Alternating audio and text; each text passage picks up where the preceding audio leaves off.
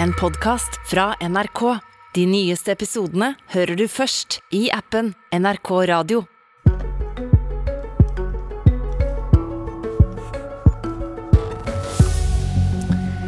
Mens pengene renner ut av kontoene til strømkundene, så renner det milliarder inn til kraftselskapene. Og de er eid av norske kommuner. Det er jo du og jeg, det. Så hva er klokest å gjøre med de milliardene som kraftselskapene tjener? Det er den litt paradoksale debatten i Politisk kvarter fredag, der vi også spør hvorfor kvinners politiske karrierer ser ut til å vare kortere enn karrierene til mannlige kollegaer. Litt tall først. Kommunene i Sør-Norge har hatt ekstrainntekter på 9 milliarder kroner i første halvår i år, sammenlignet med 2019, fortalte Dagsrevyen i går. Oslo-eide Hafslund la i går fram et halvårsresultat på over 1,1 milliarder kroner. I Rogaland har Lyse, som er eid av 14 rogalandskommuner, et resultat på halvannen milliard i samme periode. I Stavanger Aftenblad sine spalter har den politiske diskusjonen gått den senere tida om hva som er rett å gjøre med disse midlene. Kjartan Alexander Lunde, du er leder i Rogaland Venstre og bystyrerepresentant for partiet i Stavanger. Du mener det bør bli utbetalt utbytte utover det vanlige til eierkommunene. Forklar hva du ønsker. I dag så koster strømmen over åtte kroner i Rogaland og vår strømregion. Og tiden for når vi bare skal følge situasjonen nøye, må være over nå. Derfor har Venstre foreslått at vi må ta ut ekstra utbytte fra Lyse. De har milliarder av kroner i pengebingen sin og på kontoen som nå står ubrukt. Det er en luksus vi ikke kan ha i den situasjonen vi står i nå.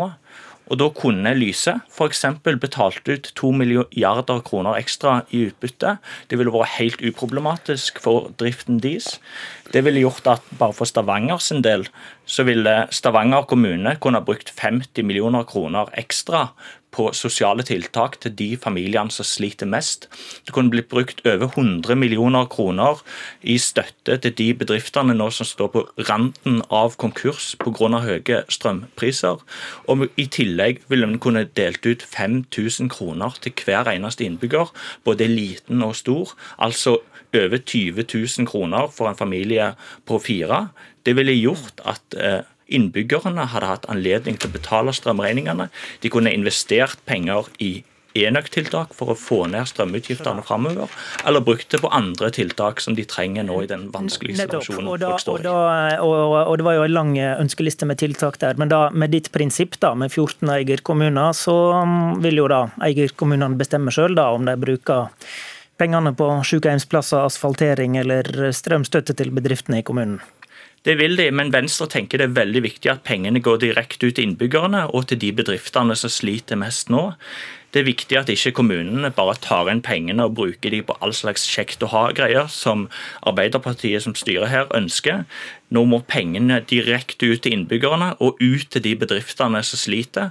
For vi trenger virkelig å ta vare på arbeidsplassene gjennom den strømkrisen vi står i. Ved siden av deg sitter Marianne Gudmundsson Kjessak. Du er fylkesordfører i Rogaland og er fra Arbeiderpartiet. Nå får vi understreke at fylket ikke eier av Lyse, eh, men du har meninger om pengebruken i din region. Og du mener ikke Lunde sin idé er fornuftig. Eh, hvorfor ikke det?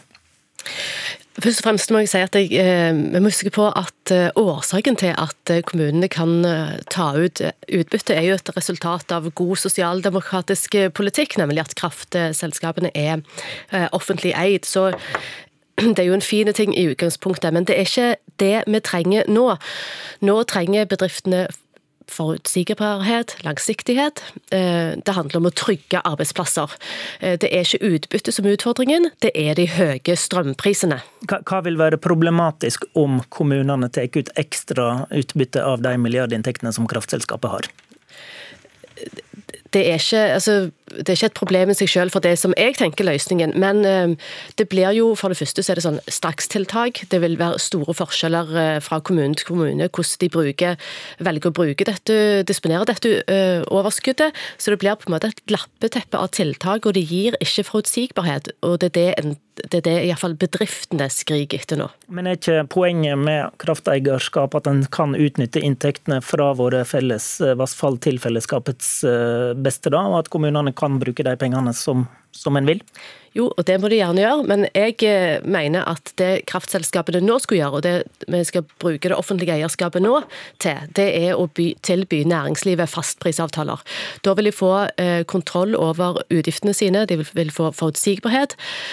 Og, og, det vil kunne bidra til å trygge arbeidsplasser fram i tid. For det handler ikke om det som har vært, men det handler om tiden framover. Dette er en situasjon som kommer til å vare eh, over tid.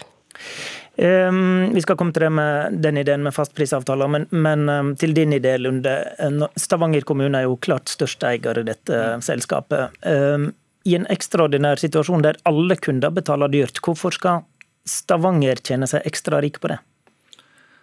Tenk det at I energifylket Rogaland, som produserer så enormt mye kraft og vindkraft, så har vi landets dyreste priser. Vi er i den dyreste strømregionen i Norge, og vi har strømselskaper i Rogaland som går med milliardoverskudd. Og Da bør noe av de pengene nå brukes på å komme tilbake til innbyggerne og til de bedriftene som sliter. I første omgang fylle kommunekassa, da? Jeg tenker at dette må komme innbyggerne og bedriftene som sliter til gode.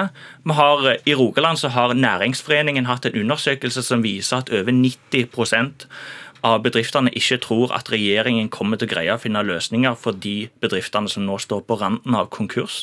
Da er vi nødt til å gjøre noe selv her lokalt, når vi har en regjering som er så tafatt, og som ikke greier å få gjort noen ting. Okay. Og Din alternative idé selvsagt, som du var inne på, det er en slags lokal uh, fastprisordning, som du har kalt en rogalandstariff. Eh, hva, hva ligger i denne ideen, da? Eh, det handler om at selv om det koster mye å kjøpe strøm nå, så koster det ikke mer å produsere strøm. Så jeg eh, mener at våre kraftselskaper de bør tilby mm, strøm til næringslivet til en faste pris. Relativt høyt det òg, og vil jo være et høyere kostnadsnivå enn det, det som vi har vært vant med. Men vi er i en situasjon nå der hvor jeg blir kontakta hver dag av bedrifter som ikke ser altså, lys i tunnelen. De er bekymra for eh, hvordan denne utviklingen skal gå. De, eh, de klarer seg på Uroen kjenner alle til, men, men hvorfor er det, det du sier er fornuftigere løsning at man løser dette med regionale prisordninger enn, en f.eks. nasjonal strømstøtte til bedrifter, da, som er opp til diskusjon nå?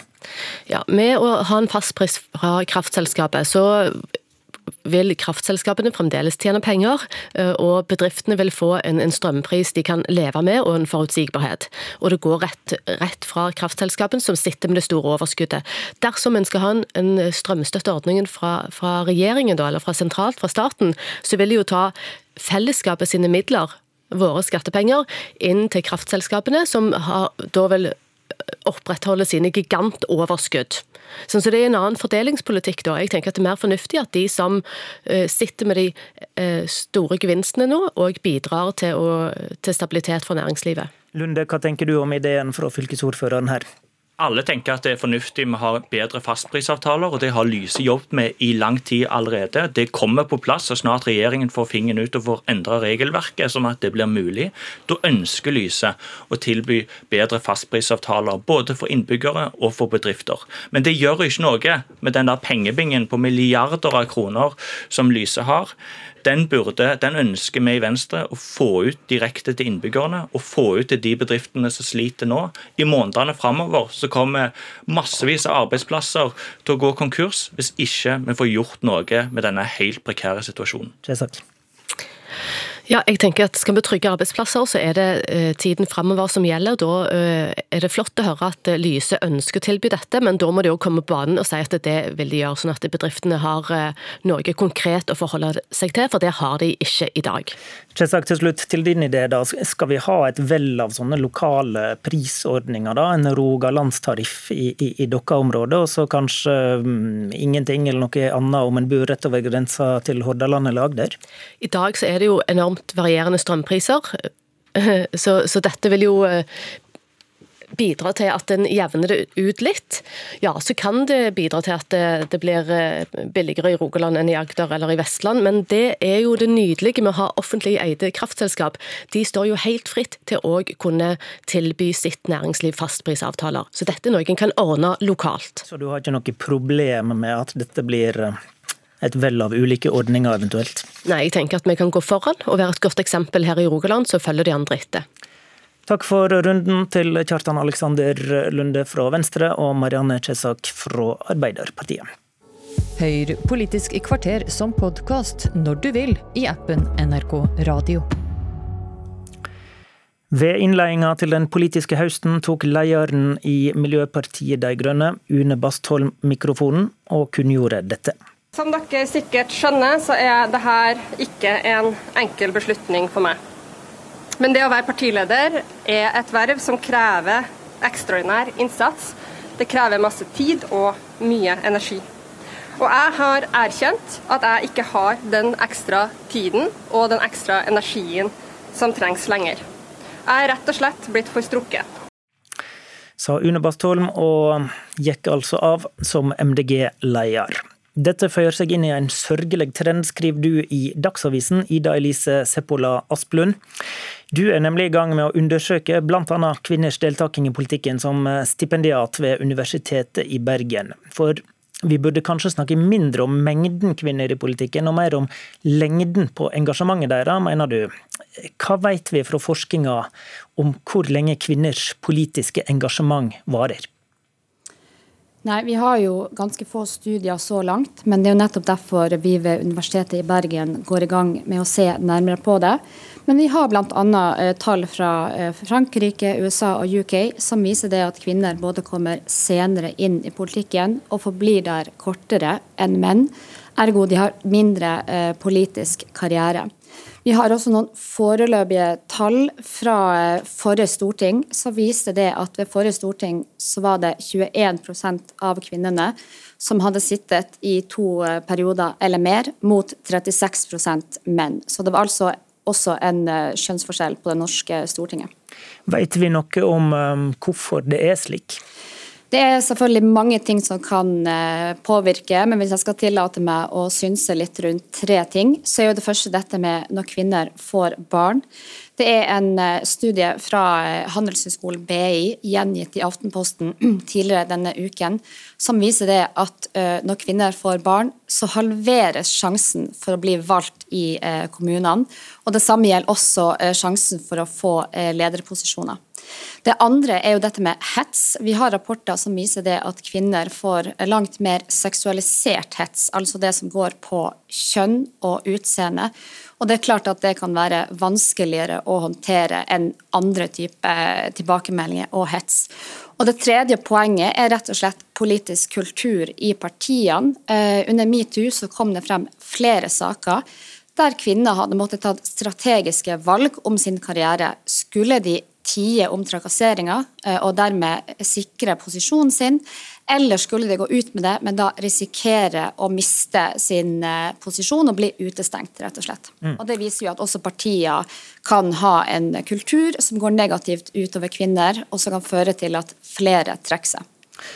Skjønner. Du, du viste til, um, til, dette med å få barn. Eh, Bastholm viste til sine to jenter under skolealder da hun eh, gikk av. Vet vi noe om hva foreldreskap og småbarnsfase gjør med politisk engasjement? Eh, forskjellen på hva det gjør med menn og kvinner? Eh, så langt så er det ikke så eh, mange studier på det, dessverre, men det er noe av det vi skal undersøke. Men en av årsakene kan jo være det, og det her viser også tidligere rapporter, eh, at kvinner tar mer ansvar på hjemmebane og bruker mer tid. Ergo kan det være at de kjenner tidsklemma mer når de da får små barn. Um, dumt spørsmål, kanskje, men utdyp. Hva er problemet med at kvinner er kortere i politikken enn eh, menn, da, som det åpenbart tyder på? Eh, det er jo flere problemer med det, men hvis jeg skulle trukket frem to ting, så er politisk erfaring over tid helt kritisk for at de folkevalgte skal eh, kunne levere effektivt på lovnadene sine, ergo å representere eh, deg og meg som velgere eh, effektivt um, og på en god måte. da. Sagt annerledes så har nykommere vanskeligere for å få gjennom politiske gjennomslag enn de som har mer erfaring. Og Logikken i det er som ellers i arbeidslivet, jo lenger du har vært i en jobb, jo mer erfaring du har om organisasjonen, jo lettere blir det rett og slett å utføre arbeidet ditt. Det høres det... Eh, logisk ut, og så rekker vi dessverre ikke punkt to, for klokka springer fra oss. Men eh, tusen takk for, eh, for at du var med oss, Ida Elise Asplund, og delte disse innsiktene. Politisk kvarter i dag var ved Håvard Grønli. Du har hørt en podkast fra NRK. De nyeste episodene hører du først i appen NRK Radio.